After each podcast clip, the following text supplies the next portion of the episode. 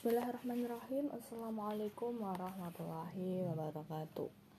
Uh, Selamat pagi teman-teman semua Di mana pun anda berada. Di kesempatan kali ini Dalam podcast ini uh, Saya akan membahas materi Kaitannya dengan uh, Diagnosis kesulitan belajar.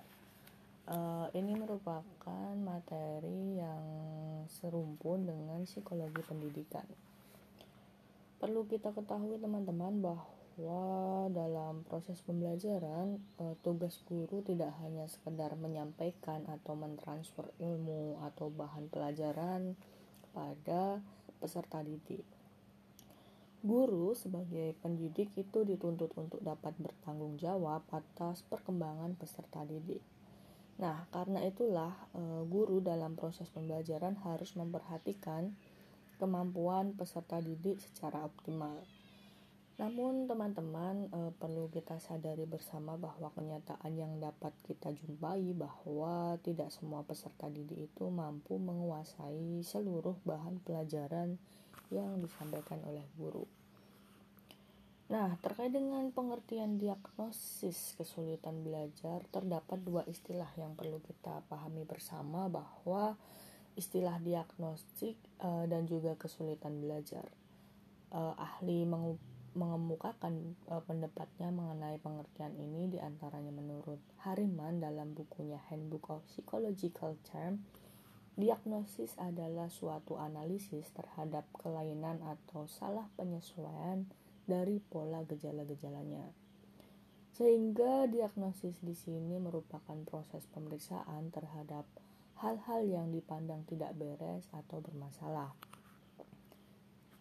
Oke, di samping itu Webster juga mengemukakan pendapatnya bahwa diagnosis diartikan sebagai suatu proses untuk menentukan hakikat kelainan atau ketidakmampuan dengan ujian dan melalui ujian tersebut e, dilakukan suatu penelitian yang hati-hati terhadap fakta-fakta yang dijumpai yang selanjutnya untuk menentukan permasalahan yang dihadapi. Dari pendapat dua ahli tersebut tentang diagnosis ya teman-teman uh, kita dapat simpulkan bahwa diagnosis adalah penentuan jenis masalah atau kelainan ketidakmampuan dengan meneliti latar belakang penyebab atau dengan cara menganalisis gejala-gejala yang tampak. Oke, uh, kita udah mengetahui ya pengertian dari diagnosis. Kemudian uh, kita perlu ketahui terlebih dahulu uh, apa itu pengertian dari kesulitan belajar.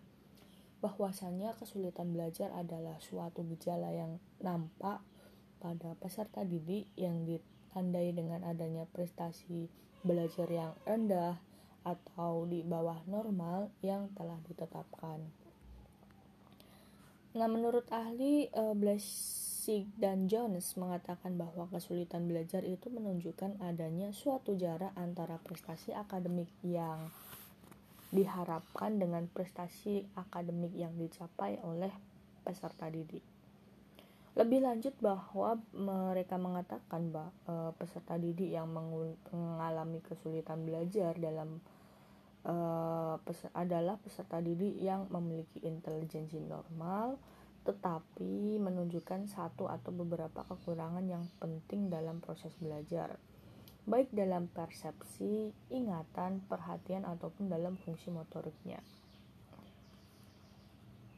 Jadi uh, kesulitan belajar yang dialami peserta didik itu tidak selalu uh, disebabkan oleh intelijensi atau angka kecerdasan yang rendah ya teman-teman. Nah, kesulitan atau hambatan dalam belajar yang dialami oleh peserta didik itu berasal dari banyak faktor. Uh, misal faktor fisiologik, psikologik, instrumen dan lingkungan belajar. Nah, kesulitan atau hambatan yang dialami peserta didik dalam proses belajar akan mempengaruhi prestasi atau hasil belajar yang dicapai.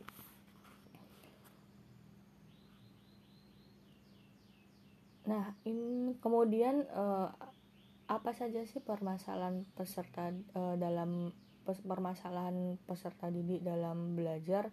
Ini menurut Warkitri eh, di tahun 90 mere, uh, beliau mengemukakan bahwa ada hmm, setidaknya lima ya uh, permasalahan belajar peserta didik yang pertama yaitu kekacauan belajar yaitu suatu keadaan di mana proses belajar anak terganggu uh, karena timbul respon yang bertentangan. Anak yang mengalami kekacauan belajar potensi dasarnya tidak diragukan. Akan tetapi belajar an, uh, belajar anak terhambat oleh adanya reaksi-reaksi yang reaksi-reaksi belajar yang bertentangan sehingga anak tidak dapat menguasai bahan yang dipelajari dengan baik. Jadi, dalam belajar, anak mengalami kebingungan untuk memahami bahan belajar. Kedua, ketidakmampuan belajar, learning disability, yaitu di mana suatu gejala anak tidak mampu belajar atau selalu menghindari kegiatan belajar dengan berbagai sebab, sehingga hasil belajar yang dicapai berada di bawah potensi intelektualnya. Ketiga, learning dysfunctions, artinya bahwa kesulitan belajar yang mengacu pada gejala proses belajar yang tidak dapat berfungsi dengan baik walaupun anak tidak menunjukkan adanya subnormal mental, gangguan alat indera ataupun gangguan psikologis yang lain. Misalnya anak sudah belajar dengan tekun tetapi tidak mampu menguasai bahan belajar dengan baik. Kemudian yang keempat, underachiever adalah suatu kesulitan belajar yang terjadi pada anak yang memiliki potensi intelektual tergolong di atas norma, tetapi prestasi belajar yang dicapai tergolong rendah. Dalam hal ini, prestasi belajar yang dicapai anak tidak sesuai dengan tingkat kecerdasan yang dimiliki.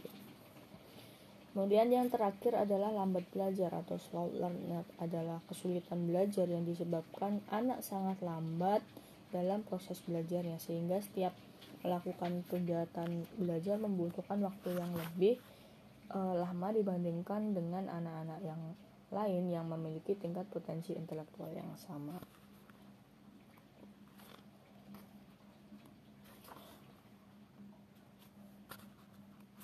Oke, selanjutnya uh, terakhir ya teman-teman, apa sih yang mempengaruhi faktor-faktor uh, uh, terutama apa faktor-faktor yang mempengaruhi kesulitan belajar? Misal ini menurut Noh Nohi Nasution bahwa faktor-faktor yang mempengaruhi anak dalam terhambat dalam belajar yaitu rendahnya kemampuan intelektual anak. Kedua gangguan perasaan atau emosi kurangnya motivasi untuk belajar kurang matangnya anak untuk belajar usia yang terlampau muda, latar belakang sosial yang tidak menunjang, kebiasaan belajar yang kurang baik, kemampuan mengingat yang rendah, terganggunya alat-alat indera manusia, proses belajar mengajar yang tidak sesuai dan tidak adanya dukungan dari lingkungan belajar. Nah, untuk faktor internal sendiri uh, yang mempengaruhi proses belajar adalah sikap terhadap belajar itu sendiri, motivasi belajar, konsentrasi belajar, mengolah bahan ajar, menyimpan perolehan hasil belajar, menggali hasil belajar yang tersimpan, kemampuan berprestasi atau untuk hasil kerja, rasa percaya diri siswa itu sendiri, intelijensi dan keberhasilan berha- eh, belajar, kebiasaan belajar dan cita-cita siswa.